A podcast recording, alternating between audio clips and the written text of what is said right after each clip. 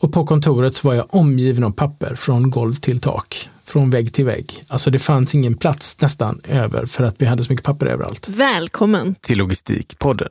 Om logistik, transport och supply chain management. Lo lo lo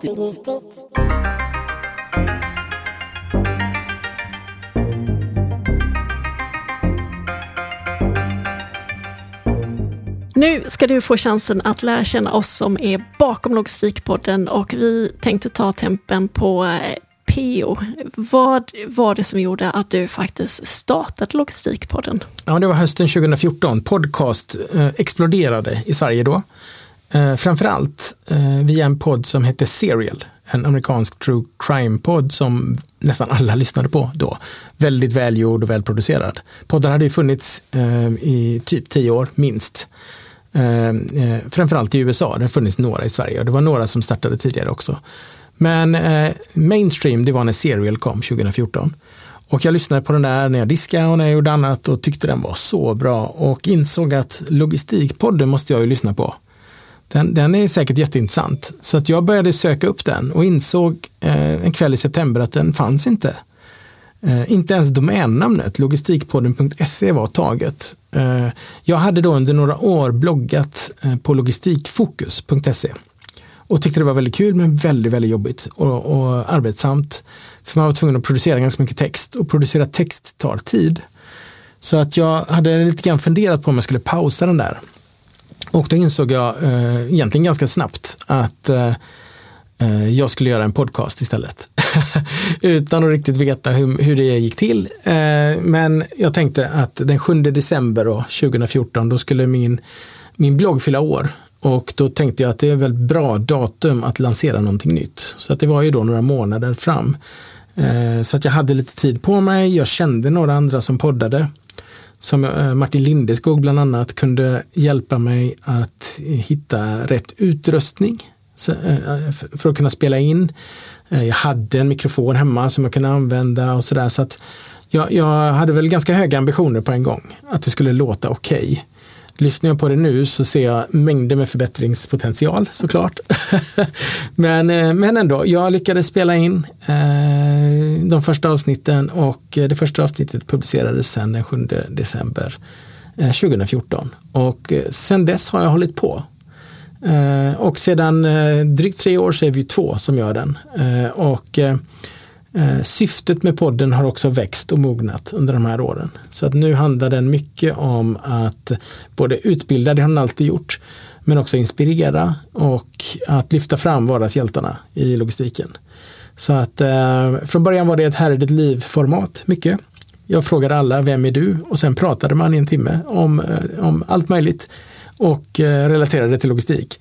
Eh, idag är vi lite mer målmedvetna i våra intervjuer skulle jag säga, även om vi fortfarande har kvar det här lite mer fria elementet. Och du uppfann ju Logistikpodden och en kvarts miljon lyssningar eller nedladdningar senare sitter vi nu här. Eh, men om du inte hade uppfunnit Logistikpodden utan du istället hade uppfunnit eh, något teknikpryl, något fordon, trafikslag, vad önskar du att du hade uppfunnit?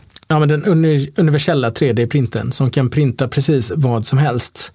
Eh, så att man inte behöver flytta just en pryl från A till B, utan man flyttar informationen om prylen från A till B. Det kan man göra digitalt. Och sen ser man till att man, man 3D-printar på atomnivå då. Det är ju det som kommer att krävas i framtiden för att kunna flytta någonting. Det är inte teleportering egentligen, utan det handlar ju om att man, man bygger upp någonting eh, där det inte finns.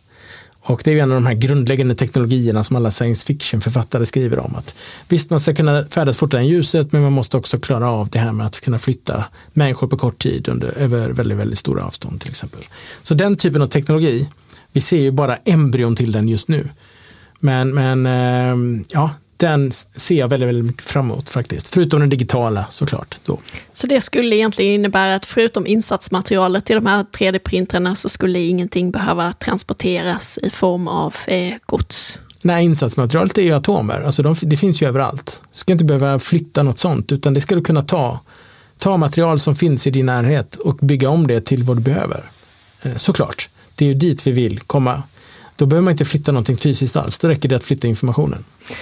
Om du skulle jobba som chaufför, vilket fordon skulle du vilja framföra? Inget alls, skulle jag säga.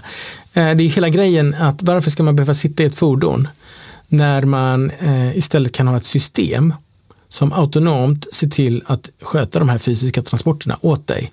Sen behöver det ha människor som är med och övervakar eller styr och ställer eller bara föder in eh, behov i det här systemet.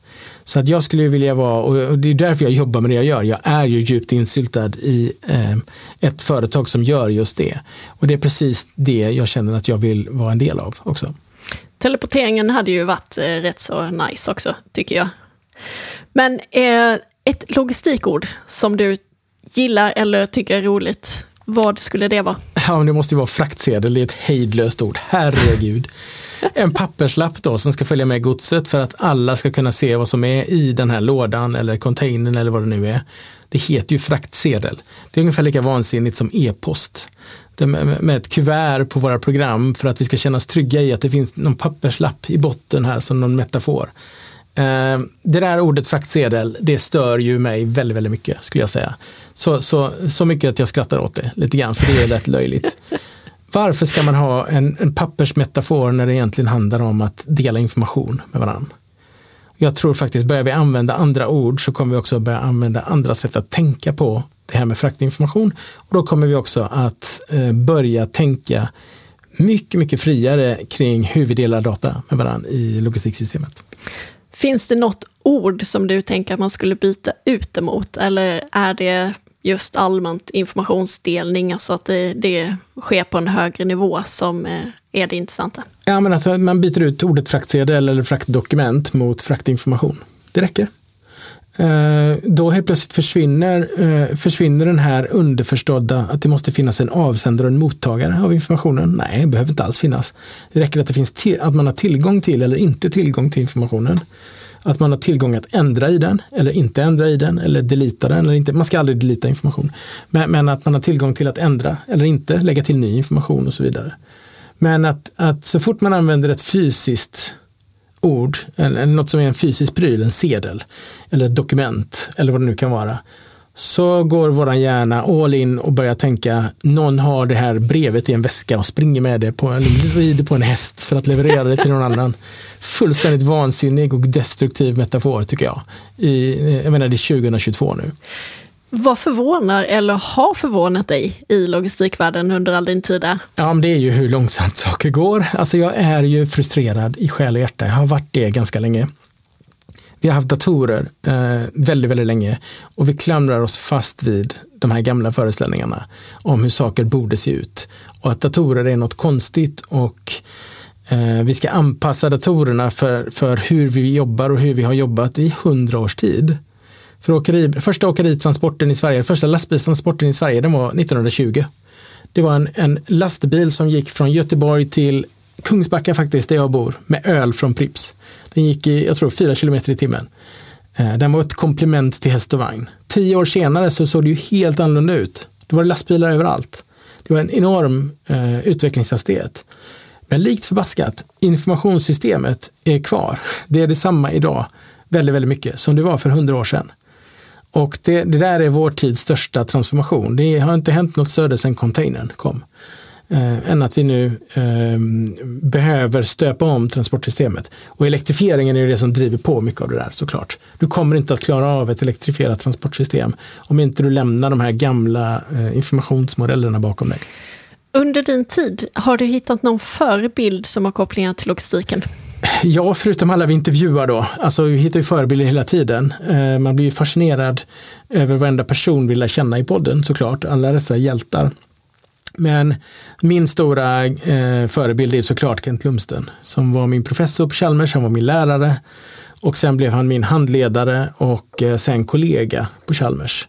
Kent har ju då skrivit eh, flera läroböcker i logistik. Han är en väldigt välkänd professor eh, i Sverige och eh, saker han höll på med för låt säga 20, drygt 20 år sedan när jag var doktorand. Eh, det är det vi nu börjar se i företag som Enride som jag jobbar på, men även på andra ställen. Koncept han utvecklade då börjar nu se dagens ljus. Eh, han har, han har legat långt, långt före utvecklingen i sina tankar. Så att han är verkligen en stor förebild för mig. Och logistik som fenomen, när blev du eh, såld på det och vad var det som gjorde att det kändes lockande? Ja, men det var sommaren 1988. Jag jobbade extra som transportledare, 19 år gammal då på ett åkeri. Eh, och eh, hade ju en, en eh, sam, det var samtidigt då jag började bli frustrerad, för då hade jag en sån här Commodore 64 dator hemma. Hade jag haft i typ 4, 5, 6 år till och med vid det laget. Och eh, den var ganska kass som dator eh, med dagens mått mätt, men jag visste ju vad man kunde göra med den. Och på kontoret så var jag omgiven av papper från golv till tak, från vägg till vägg. Alltså det fanns ingen plats nästan över för att vi hade så mycket papper överallt. Och det behövdes för att styra de här fem tankbilarna. Det var fem tankbilar och det var ett helt kontor fullt av papper och en heltidstjänst. Eh, så att jag, jag insåg ju då att datorer kommer att kunna göra ganska mycket i den här världen och jag tänkte väl om fem år så har de tagit över. Eh, men de har ju inte gjort det än. Så att det går väldigt, väldigt långsamt. Eh, men jag blev väldigt, väldigt fascinerad av ehm, just, då var det transportplanering som jag höll på med då. Och sen började jag plugga maskiningenjör och eh, efter tre år kunde man börja välja ämnen och då fanns logistik med på schemat. Så att det valde jag. Det var det jag hade Kent Lumsten till exempel. Första föreläsning med honom var ju en sån ögonöppnare också. Och eh, på den vägen är det. Jag hittade det roligaste jag hittills hade eh, hittat och fortsatte, fick chans att börja doktorera. Och sen har det bara liksom snowballat från där. Och för er som inte känner Kent Lumsten, ett minne som jag har kvar, det var ju när eh, det var ett gäng doktorander som tänkte att de skulle skämta lite med Kent. Eh, på den tiden så hade man ju overhead-bilder, eh, så att när han la det på fikabordet och gick på toaletten innan han skulle in på och hålla en föreläsning, så var det några som blandade om de här bilderna så att de kom i total oordning. Och när han kom tillbaka så satt ju alla och väntade spänt på att han skulle säga någonting.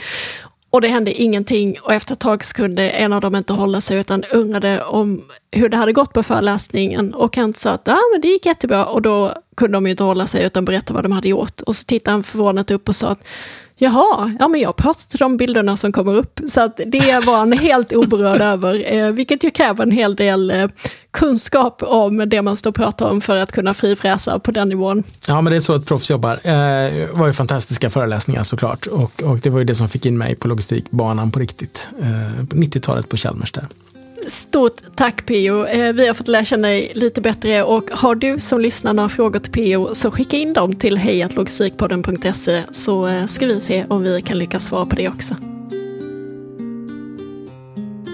Gillar du Logistikpodden så glöm inte att gå in på www.logistikpodden.se och signa upp dig för vårt nyhetsbrev så får du alltid information om när nya avsnitt har dykt upp. Gå också in på Facebook, LinkedIn och Instagram och gilla oss och dela och kommentera så att vi kan fortsätta att leverera det du vill höra om logistik.